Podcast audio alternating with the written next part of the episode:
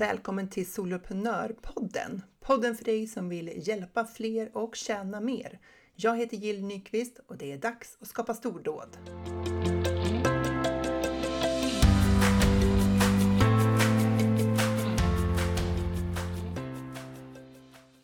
I veckan diskuterade vi frihet som entreprenör i mitt och Malin Hammar Blomvalls rum på Clubhouse.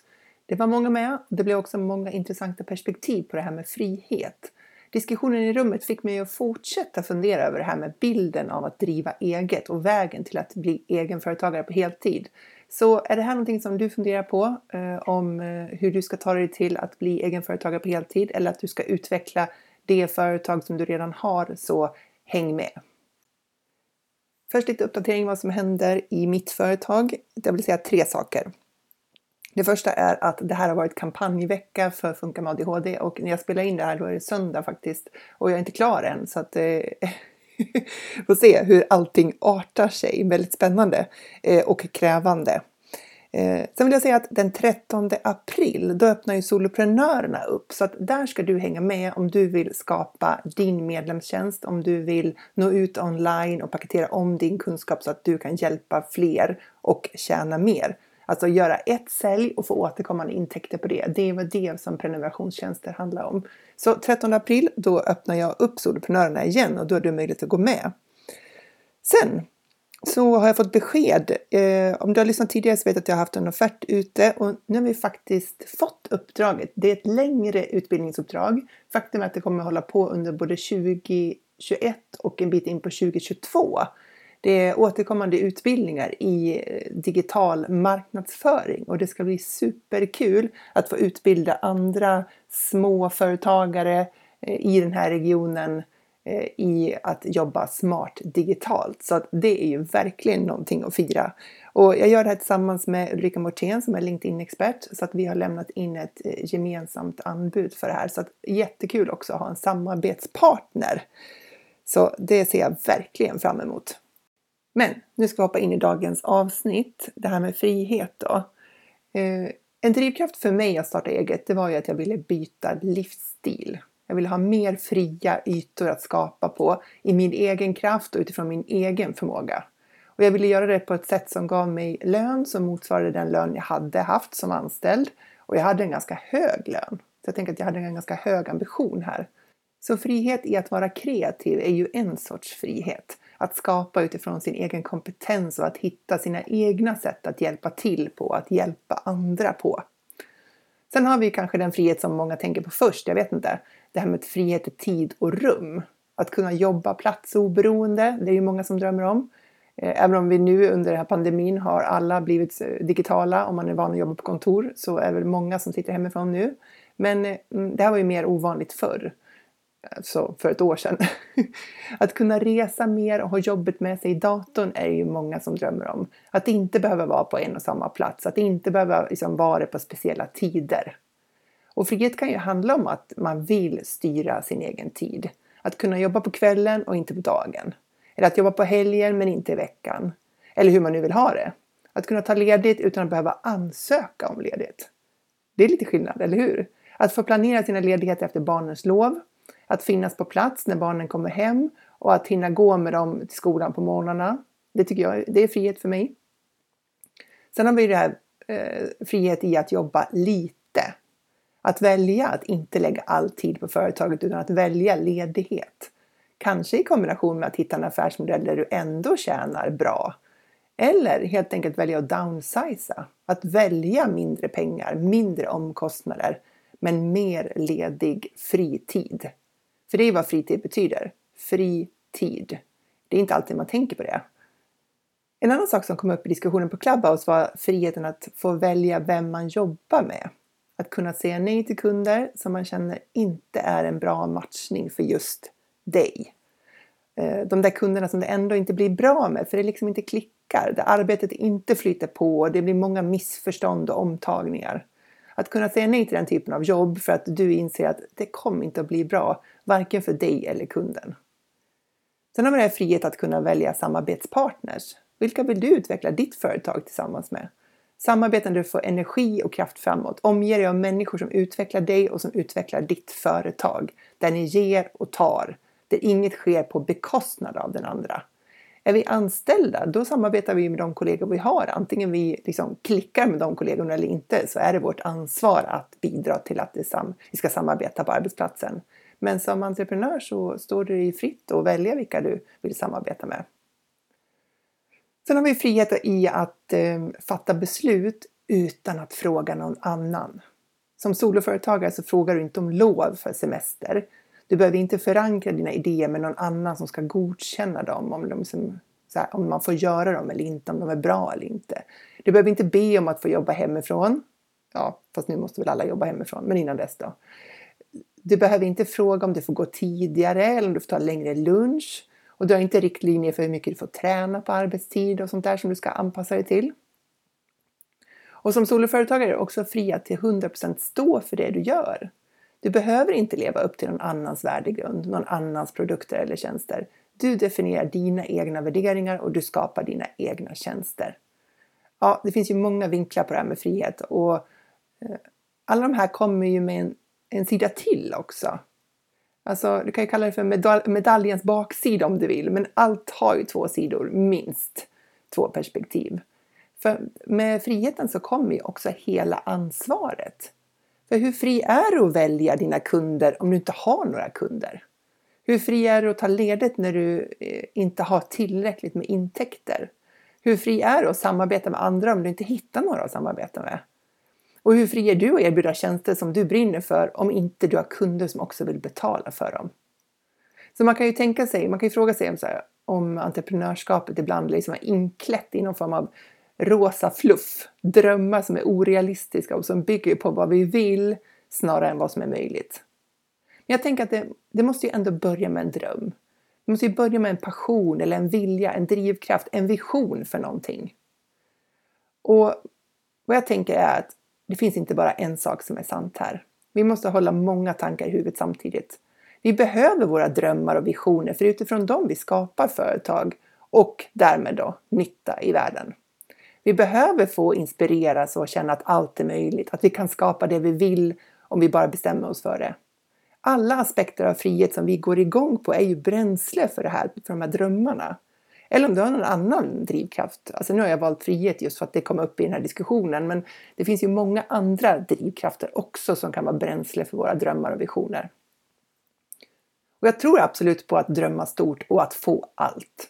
Jag tror på att vi kan skapa det liv vi vill ha det kanske inte går så fort som vi skulle önska och det kan vara en krokig väg dit. Jag tror att det oftast är en krokig väg dit. Och när det är en krokig väg då tänker vi ibland att det måste vara något fel på, den här, på min företagarresa. För den går ju inte spikrakt. Men jag tror att det är få företagarresor som går spikrakt. Men steg för steg så bygger vi det liv vi vill ha. Jag tror inte på mirakellösningar eller magi. Men jag tror på kraften i att vara uthållig. I att hålla i sin dröm och fortsätta framåt. Jag tror på att vi lär oss hela tiden och att vi kan vara nöjda med våra insatser även om de inte alltid ger det resultat vi önskar till stunden. Och jag tror att vi kan lista ut det mesta. Att vi kan komma på hur vi ska göra det, liksom, hur vi ska lösa någonting.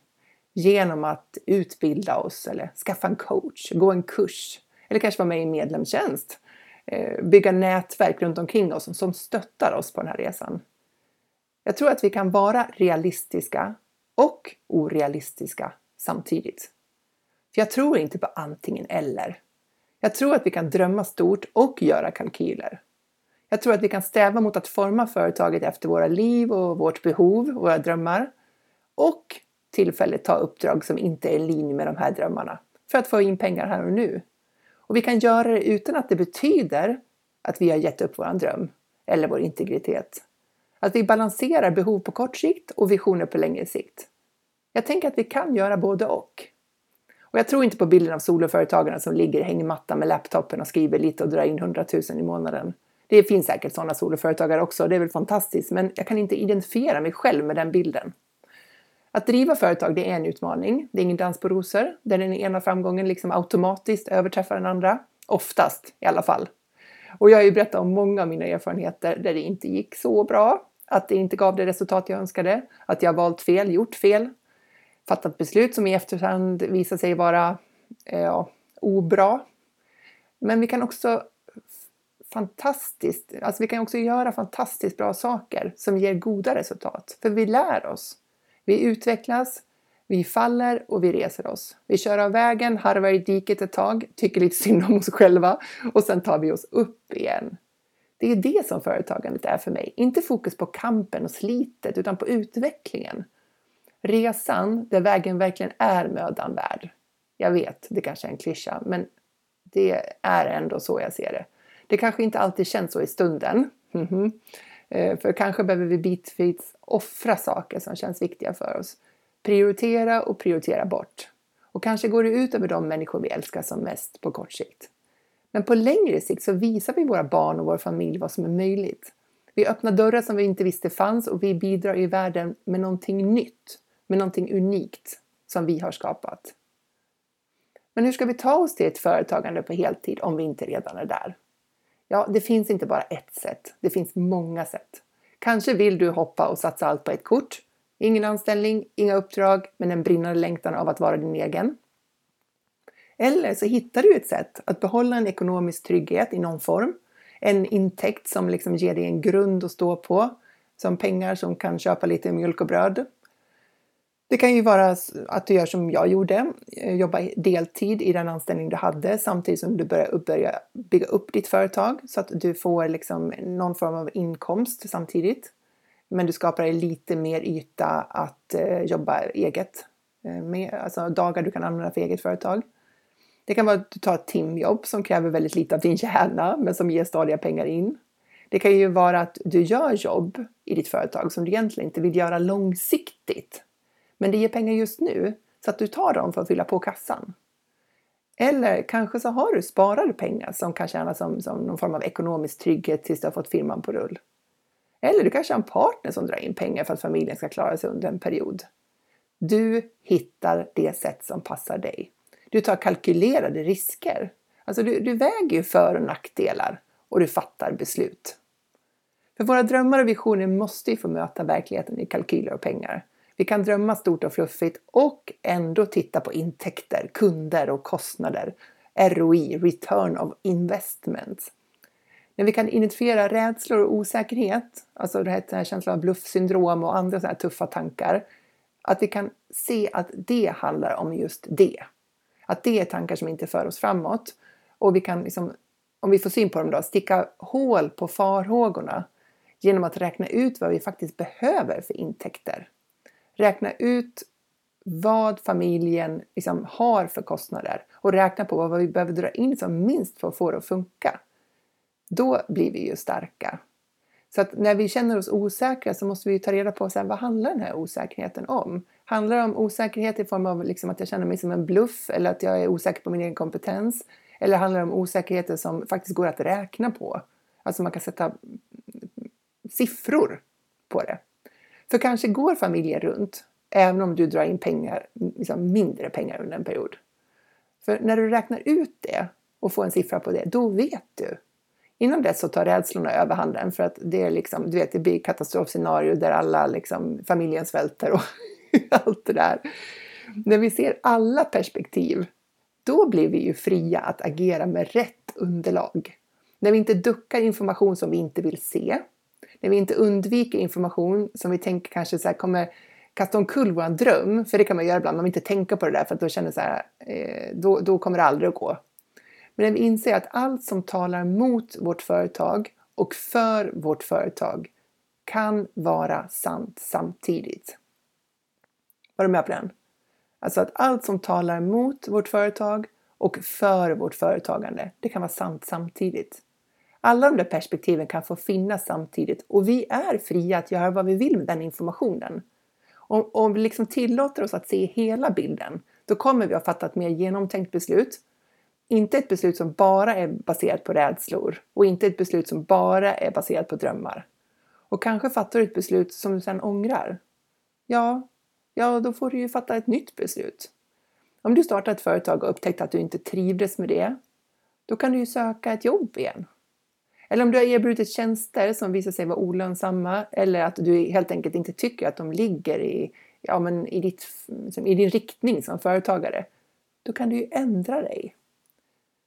Så att vi kan fortsätta inspireras av våra drömmar för hur vi vill arbeta och hur vi vill hjälpa människor i deras liv samtidigt som vi tar ansvar för den ekonomiska delen av företagandet. Särskilt i början när vi startar. Det är inte antingen eller. Vi kan göra både och. Och det är inte bara svart eller vitt, det är alla nyanser däremellan. Och det finns inte en väg, det finns flera vägar. Och det finns inte en väg som är just din väg. Du har många vägar att välja på och ibland kommer du välja fel. Då får du liksom lite grann vända och köra tillbaka och ta en ny väg.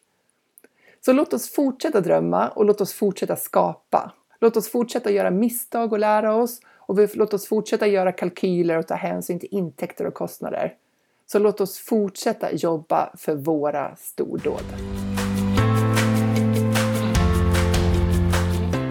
Två saker innan du stänger ner. Det ena är ju då att Solprenörerna Soloprenörerna öppnar igen den 13 april. Då har du möjlighet att hänga med där och skapa din medlemstjänst. Och eh, stort tack för att du lyssnar på Soloprenörpodden. Eh, ta gärna en skärmdump på det här avsnittet och tagga mig i soloprenör.nu på Instagram i en story till exempel. Så vet jag att just du har lyssnat. Tackar!